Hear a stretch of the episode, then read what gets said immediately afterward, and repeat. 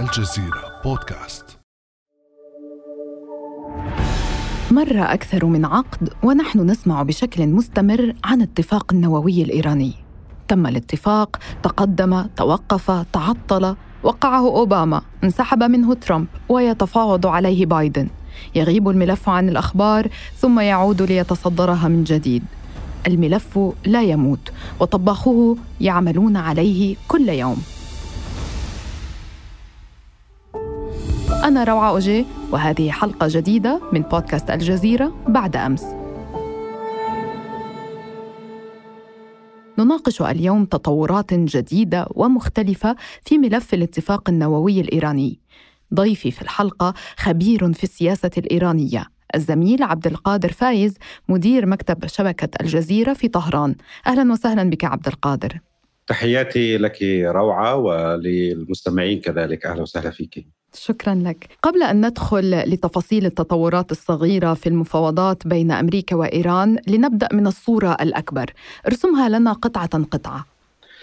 روعة ربما تكون القصة بدأت في العام 2015 آه، وقع الجميع اتفاق نووي عرف فيما بعد بالاتفاق النووي بين إيران ودول خمسة زائد واحد الكل في تلك المرحلة كان يعلم بأن الأساس في الاتفاق النووي هو الولايات المتحدة الأمريكية بالدرجة الأولى بطبيعة الحال وإيران من طرف آخر ولكن الأطراف الأخرى كانت فاعلة ومهمة.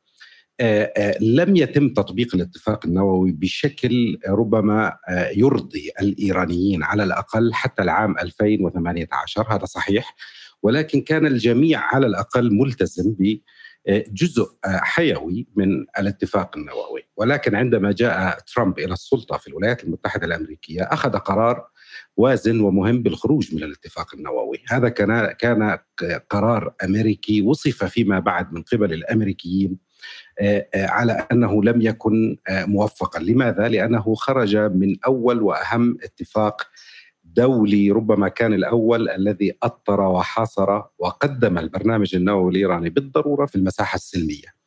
بعد ذلك ذهبت الأطراف جميع جميع الأطراف ذهبت باتجاهات مختلفة، من طرف إيران سياسة خفض الالتزام غيرت وجه البرنامج النووي بالكامل.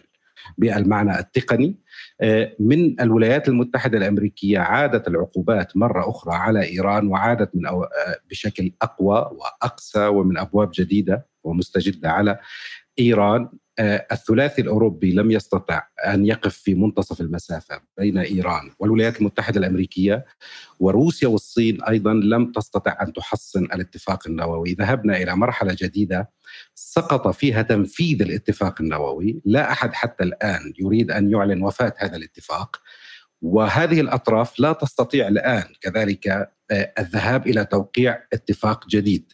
نشأت مساحة من الفراغ ارتفع فيها صوت التهديد والتهديد المضاد بالدرجة الأولى بين إيران وأمريكا وبالدرجة الثانية بين إيران وإسرائيل. ولكن كان لابد للأطراف الإقليمية وبعض الأطراف الأخرى أن تتحرك في مساحة هذا الفراغ وهذا ما يجري الآن حقيقة. يعني هذا ما شهدناه بعدة قنوات تواصل آه، رأينا تطورات آه، العراق بغداد ستفك تجميد قرابة مليارين ونصف دولار آه، لإيران بعد التنسيق والتفاهم مع الخارجية الأمريكية. ما هي أشكال التطورات الحاصلة الآن إقليميا وإلى أين تأخذ هذا الملف؟ يعني روعة إذا رسمنا صورة. كان واضح بأن الأطراف الإقليمية تحديدا سلطنة عمان دولة قطر وبعض الدول الخليجية الأخرى، العراق يلعب دور ولكن الأساس في عمان وقطر بالدرجة الأولى، وهناك أيضا آه، تحرك في نيويورك على مستوى الأمم المتحدة.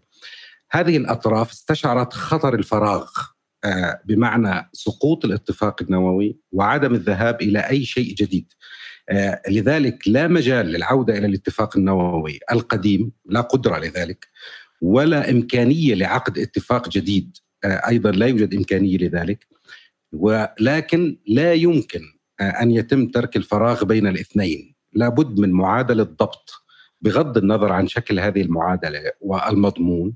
هذا ما دفع الأطراف للتحرك وهذا حقيقة ما جرى منذ أشهر إلى الآن. ولكن ما جرى في التواصل نتيجة هذا التواصل لم يكن عودة إلى الاتفاق. السابق لأن هذا صعب جدا الآن. وفق معطيات إيرانية وأمريكية داخلية. ولم تستطع الأطراف توقيع اتفاق جديد مع الحفاظ على روح الاتفاق القديم لأنه هذا أصعب من العودة إلى الاتفاق النووي. فكان الحل هو بدعة في الوسط. هذه البدعة كانت عبارة عن لماذا لا يتم عقد تفاهمات؟ يعني لا هو اتفاق ولا هو عدم اتفاق. وهذا ما جرى مؤخرا آه، تفاهمات غير مكتوبة آه، بعكس الاتفاق المكتوب. تفاهمات غير ملزمة بالمعنى الحرفي وهذا بعكس الاتفاق المكتوب. التفاهمات بلا أسقف زمنية واضحة ولكن بأسقف عملية تنفيذية على الأرض. وهذا بعكس آه، الاتفاق. لذلك نشأ ما يمكن أن يسمى أمريكيا على أنه تفاهم في المساحة الغير رسمية. هذا يسهل كثيرا على الرئيس الأمريكي أن لا يشتبك مع الكونغرس. العودة إلى الاتفاق أو أي اتفاق جديد لابد من العودة إلى الكونغرس. في إيران سمي هذا الموضوع على أنه أشبه بالهدنه السياسية. آه هذا ما نحن عليه الآن آه هو التفاهم بين اتفاقي بين اتفاقين. اتفاق قديم سقط ولا أحد يستطيع العودة إليه واتفاق جديد ليس بمتناول اليد ومن الصعوبة جدا التوقيع فكان الحل بهذه آه، الموضوع أي التفاهمات. يعني إذا ما أردنا ممكن التفصيل أكثر يعني. إيه، نعم ما هي أبرز هذه التفاهمات إذا أردنا أن نوضح للمستمعين آه، على ماذا ترتكز هذه الهدنة غير المعلنة رسميا؟ التفاهمات آه، يعني اولا يوجد شيء مميز فيها غير مكتوبة هي شفهية بالدرجة الأولى. غير ملزمه بمعنى النص، لا يوجد نص حقيقي يرجع إليه أي أحد للقول بأن فلان طبق وفلان لم يطبق. آه، ولكن لا يمكن أن نسميه اتفاق مؤقت، هي تفاهمات هدنه سياسية أو تفاهم غير رسمي. آه، آه، ما لدينا يعني من من بعض المعلومات تقول بأن التفاهمات قامت على أربعة مبادئ. المبدأ الأول هو الإفراج مقابل الإفراج. بمعنى أن الولايات المتحدة الأمريكية آه، آه، تعطي آه، ضوء أخضر لبعض الدول للإفراج عن ما يعرف بالأموال الإيرانية المجمدة بفعل العقوبات الأمريكية. مثل ما شاهدنا مؤخرا في العراق. وقد نشاهد ذلك في كوريا الجنوبية نتحدث عن سبعة مليارات دولار، وقد نشاهد أيضا ذلك في الأموال الإيرانية المجمدة في صندوق النقد الدولي، هذا يسهل الفعل الأمريكي لأنه لا يحتاج إلى قرار من الكونغرس. مقابل مقابل ذلك آه، تقوم إيران بالإفراج عن سجناء أمريكيين آه، لدى آه، لدى إيران ثلاث سجناء أمريكيين إيرانيين مزدوجي الجنسيه محتجزين بقضايا تقول طهران بأنها أمنية بالدرجة الأولى. وهذا سيعتبر بالمناسبة على أنه نصر ربما أو انتصار لبايدن الذي يذهب إلى الانتخابات لأنه أحد العوامل التي تحدث عنها بايدن سابقا في موضوع الانتخابات كانت الإفراج عن المواطنين الأمريكيين المحتجزين آه، لدى بعض الدول, الدول ومنها ايران. المبدأ الثاني آه، هو التجميد مقابل التجميد. إيران تقف تجمد روعة يعني المصطلح دقيق في التعامل هي لا توقف عملية التخصيب كليا. إيقاف عملية التخصيب يعني وقف أجهزة الطرد المركزي ونزع سلاسل أجهزة الطرد المركزي ووقف عملية التخصيب كليا، نحن نتعلق هنا عن تجميد العملية، ستبقى الأجهزة موجودة ولكن مطفأة. لا تعمل. آه، عند إلا عند حدود ال 60%، مقابل آه، ذلك الولايات المتحدة الأمريكية آه، تجمد أي عقوبات مقبلة، لا عقوبات جديدة على إيران في البعد النووي فقط. إذا ما هناك أبعاد أخرى لها علاقة بحقوق الإنسان، بالنفوذ الإقليمي، ببرامج أخرى هذا موضوع آخر. مقابل ذلك أيضا آه، آه، آه، تقوم إيران بتهدئه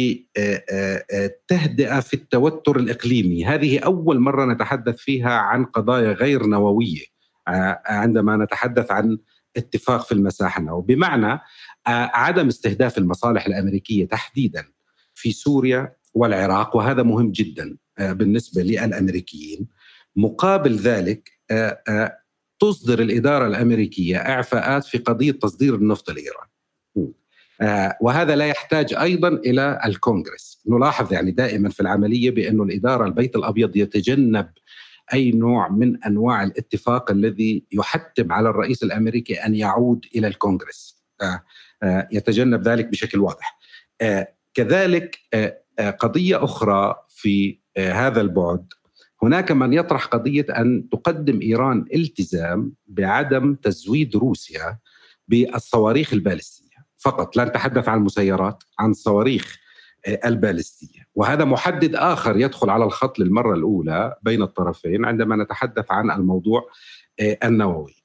مقابل ذلك الولايات المتحدة الأمريكية لا تتناغم مع رفع السقف الإسرائيلي عندما تتحدث إسرائيل عن استهداف المنشآت النووية الإيرانية. أخيرا في هذا الموضوع لابد من تحصين البرنامج النووي الإيراني في المساحة السلمية وهذا من هنا نفهم لماذا فك الاشتباك قبل أسبوعين بين إيران والوكالة الدولية وذهب الطرفان إلى ما يمكن أن نصفه إلى مرحلة إيجابية في العلاقة هذا مهم لإنجاح هذه التفاهمات لكي تقول الوكالة الدولية للطاقة الذرية وهي المرجع الفني الوحيد في العالم عندما نتحدث عن البعد التقني بأنه إيران قدمت أجوبة مقنعة نوعا ما نصبت كاميرات وكذا. يعني بمعنى أن البرنامج النووي من قبل الوكالة الدولية لا يزال يدور في المساحة السلمية. البعد الأخير في هذه التفاهمات هو الانتظار بمعنى أن يتم ذلك حتى موعد الانتخابات الأمريكية القادمة إذا فاز الديمقراطيون في الانتخابات وبقي جو بايدن في البيت الأبيض سيكون من السهل جدا على الإدارة الأمريكية في ذلك التوقيت أن تذهب باتجاه توقيع اتفاق حتى ولو كان جديد مع الحفاظ على روح الاتفاق النووي القديم. إذا فاز الجمهوريون آه، في تلك المرحلة تعود الكرة إلى ملعب من خرج من الاتفاق النووي. هل سيأخذ قرار بالعودة إلى الاتفاق النووي عبر اتفاق جديد ومستجد آه، أم أنه سيعوم آه، المواجهة؟ هذا يعني بأن كلا الطرف الطرفين وكذلك الدور الإقليمي استطاع أن يضبط المعادلة بين إيران والولايات المتحدة الأمريكية في البعد النووي عند سقف معين من التصعيد آه، لا يؤدي إلى مواجهة منفلته ومفتوحة. وبتقديري أنا الآن نذهب إلى التحليل. بتقديري إنه هذا أفضل ما يمكن آه، أن يتم الحديث عنه الآن بين الطرفين خاصة وبأن إيران وصلت إلى مرحلة جدا متقدمة في البعد النووي التقني. والولايات المتحدة الأمريكية تشعر بالقلق ولا ننسى طبعا التهديد الإسرائيلي المتصاعد بالمعنى العسكري يعني هكذا فهمنا تقريبا بشكل واضح جدا مصلحة الولايات المتحدة ومصلحة إيران من هذه التفاهمات ومن تفاهم على الانتظار آه، للانتخابات الأمريكية المقبلة لكن آه، ماذا عن الدول الإقليمية؟ أين السعودية من هذه التطورات؟ يعني عندما وقع الاتفاق النووي اتفاق أوباما آه، كان هناك غضب خليجي من هذا الاتفاق ما الذي يريدونه؟ فك الاشتباك اقليميا هو مصلحة سعودية استراتيجية، إعادة التموضع في هذا العالم المتغير آه، بالنسبة للسعودية آه، من بوابة الاقتصاد اولا على الأقل بالنسبة للسعودية كان التقاطه مهمه جدا بالنسبة للإيرانيين يتم البناء عليها لفك الاشتباك. تم فك الاشتباك في هذه الاتفاقية برعاية الصين بين السعودية وإيران، هل يعني بأن كلا البلدين أصبحوا حلفاء وأصدقاء؟ لا بطبيعة الحال. آه، ولكن هناك فرق شاسع بأن تكون العلاقة تدور بالكامل في مساحة الصدام الإقليمي ومربعات الجيوبوليتيك وبين أن تكون مضبوطة بالعلاقات الدبلوماسية الثنائية وهذا ما يجري الآن. آه، لذلك السعودية في المساحة النووية الآن تقف بأنها ليست ضد برنامج نووي إيراني سلمي وليست ضد اتفاق مع إيران ولكن لديها هواجس. رفض الإيرانيون سابقا التعاطي مع الهواجس السعودية في البعد الثنائي آه، وكانت القضايا كلها تدور في مساحة الاتفاق النووي. سمعنا كلام غاية في الأهمية حقيقة بانه إيران مستعدة للنقاش مع الدول آه، آه، الخليجية وعلى رأسها دول المملكة العربية السعودية عندما تتحدث هذه الدولة عن هواجس لديها في البعد النووي.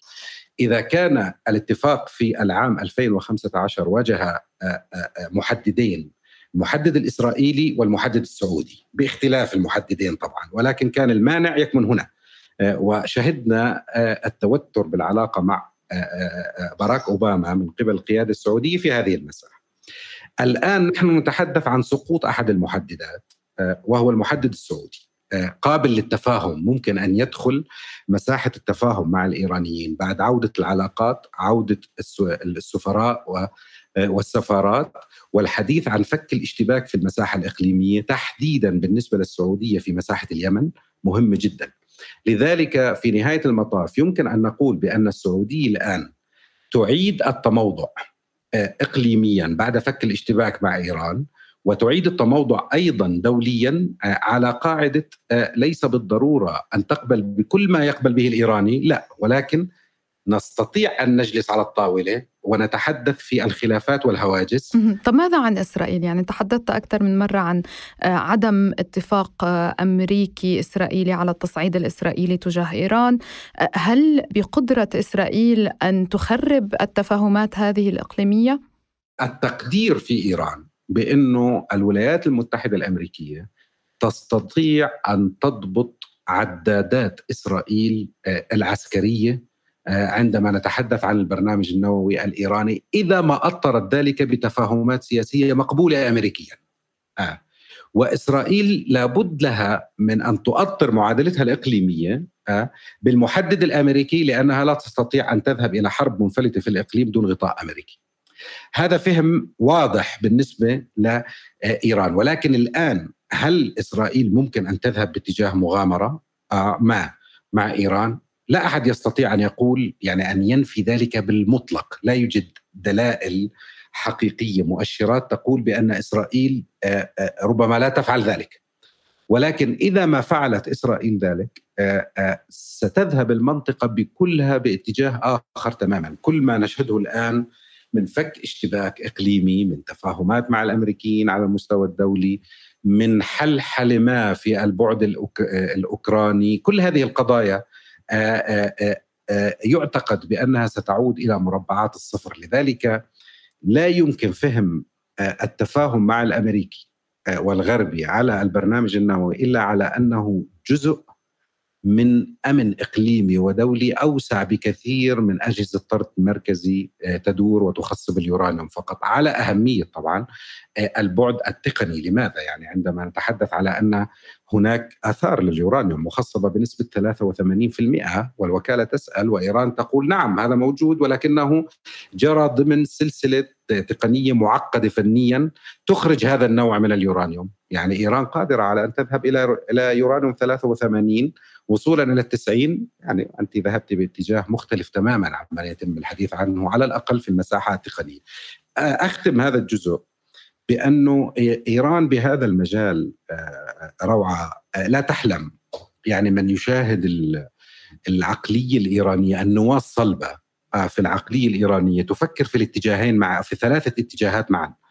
تفكر في فك الاشتباك مع الولايات المتحدة الأمريكية ولو أنها عبر تفاهمات آه، آه، آه، وتفكر في ذات الوقت بأن إسرائيل قد تذهب بمغامرة عسكرية وهنا لابد من القيام بتحصين. هذا يجعلنا نفهم لماذا إيران دائما تجرب صواريخ وتتحدث عن معادلات عسكرية في في المنطقة وكذا. وكذلك تفك الاشتباك الإقليمي على قاعدة إذا ما تحركت إسرائيل بالمستقبل تتحرك منفردة. وهذه أهمية فك الاشتباك مع السعودية فك الاشتباك مع دول أخرى بما فيها الإمارات بما فيها تركيا بما فيها مصر الآن. نتحدث عن تطور في الخطاب الإيراني تجاه مصر وهناك محادثات تجري وتبدو ناضجة حقيقة بمعنى عزل الفعل الإسرائيلي إذا ما قررت إسرائيل أن تذهب بهذا الاتجاه. يعني في ثلاثة خطوط في نفس الوقت. أبعد من حدود الإقليم الرئيس الفرنسي إيمانويل ماكرون اتصل مؤخرا بالرئيس الإيراني إبراهيم رئيسي اتصالا طويلا مدة ساعة ونصف. ناقشا رفع العقوبات وفق التصريحات الرسمية. ما الدور الذي تبحث عنه فرنسا الآن؟ وربما دول أخرى من القوى العظمى عبر العالم. فرنسا الآن تمثل آه، في التعامل مع إيران طبعا آه، تمثل الهواجس الأوروبية يعني آه، سابقا آه، كانت هواجس أوروبا في البعد النووي آه، وهذا تم وضعه مكتوبا في نص الاتفاق النووي يعني الاتفاق النووي الميزة التي يحظى بها بأنه هو اتفاق في البعد النووي ولكن يتضمن أيضا هواجس الآخرين في أبعاد أخرى. بعد الحرب الأوكرانية تبدلت أولويات الأوروبيين بشكل أو بآخر. الآن أوروبا تشعر بقلق شديد عندما تتحدث عن تزويد روسيا بالمسيرات الايرانيه. لأن الفعل يجري على الأرض الأوروبية، صحيح الولايات المتحدة الأمريكية تقود اللعبة بشكل أو بآخر وهذا طبيعي هنا قوى عظمى في نهاية المطاف ولكن هواجس الأوروبي الآن في البعد النووي هي ربما تكون أقل أو بذات القدر في عندما نتحدث عن الحرب في أوكرانيا إيران تزود روسيا بحسب قول الأوروبيين بالمسيرات. روسيا تعقد اتفاق تسليحي استراتيجي مع إيران وتطلب صواريخ باليستية من إيران. هذا بعد جديد يضاف إلى في خط العلاقة بين الأوروبيين وايران لذلك عندما شاهدنا البيان الإيراني يقول بانه الكلام تم تركيز على رفع العقوبات وفك الاشتباك في المساحة النووية ولكن بيان الاليزيه والخارجية الفرنسية بدأ بانه الرئيس ماكرون دعا الإيرانيين نصح الإيرانيين قال للرئيس الإيراني بأنه يجب على إيران أن تفكر بشكل حقيقي في موضوع تزويد روسيا بالمسيرات. يعني هي عملية ترتيب أولويات، لذلك يمكن القول بأن هناك مساومات كبرى بين إيران والفرنسيين والأوروبيين بشكل عام ما بين النووي وبعد الطائرات المسيرة، بعد العلاقة الاستراتيجية مع روسيا والعلاقة التسليحية الجديدة مع روسيا. لذلك المعركة في أوكرانيا بالمناسبة بالأدوات الروسية هي فيها جزء من معركة استراتيجية إيرانية بمعنى توسع الناتو شرقا.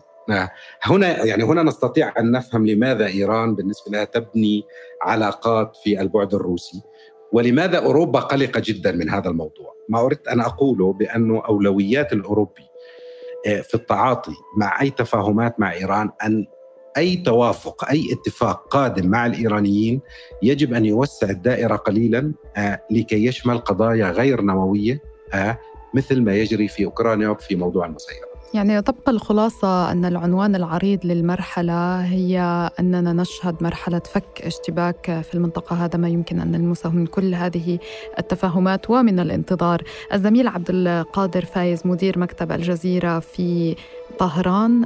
شكرا جزيلا لك. شكرا روعة وتحياتي لك وللفريق العامل معك كمان. شكرا. كان هذا بعد أمس.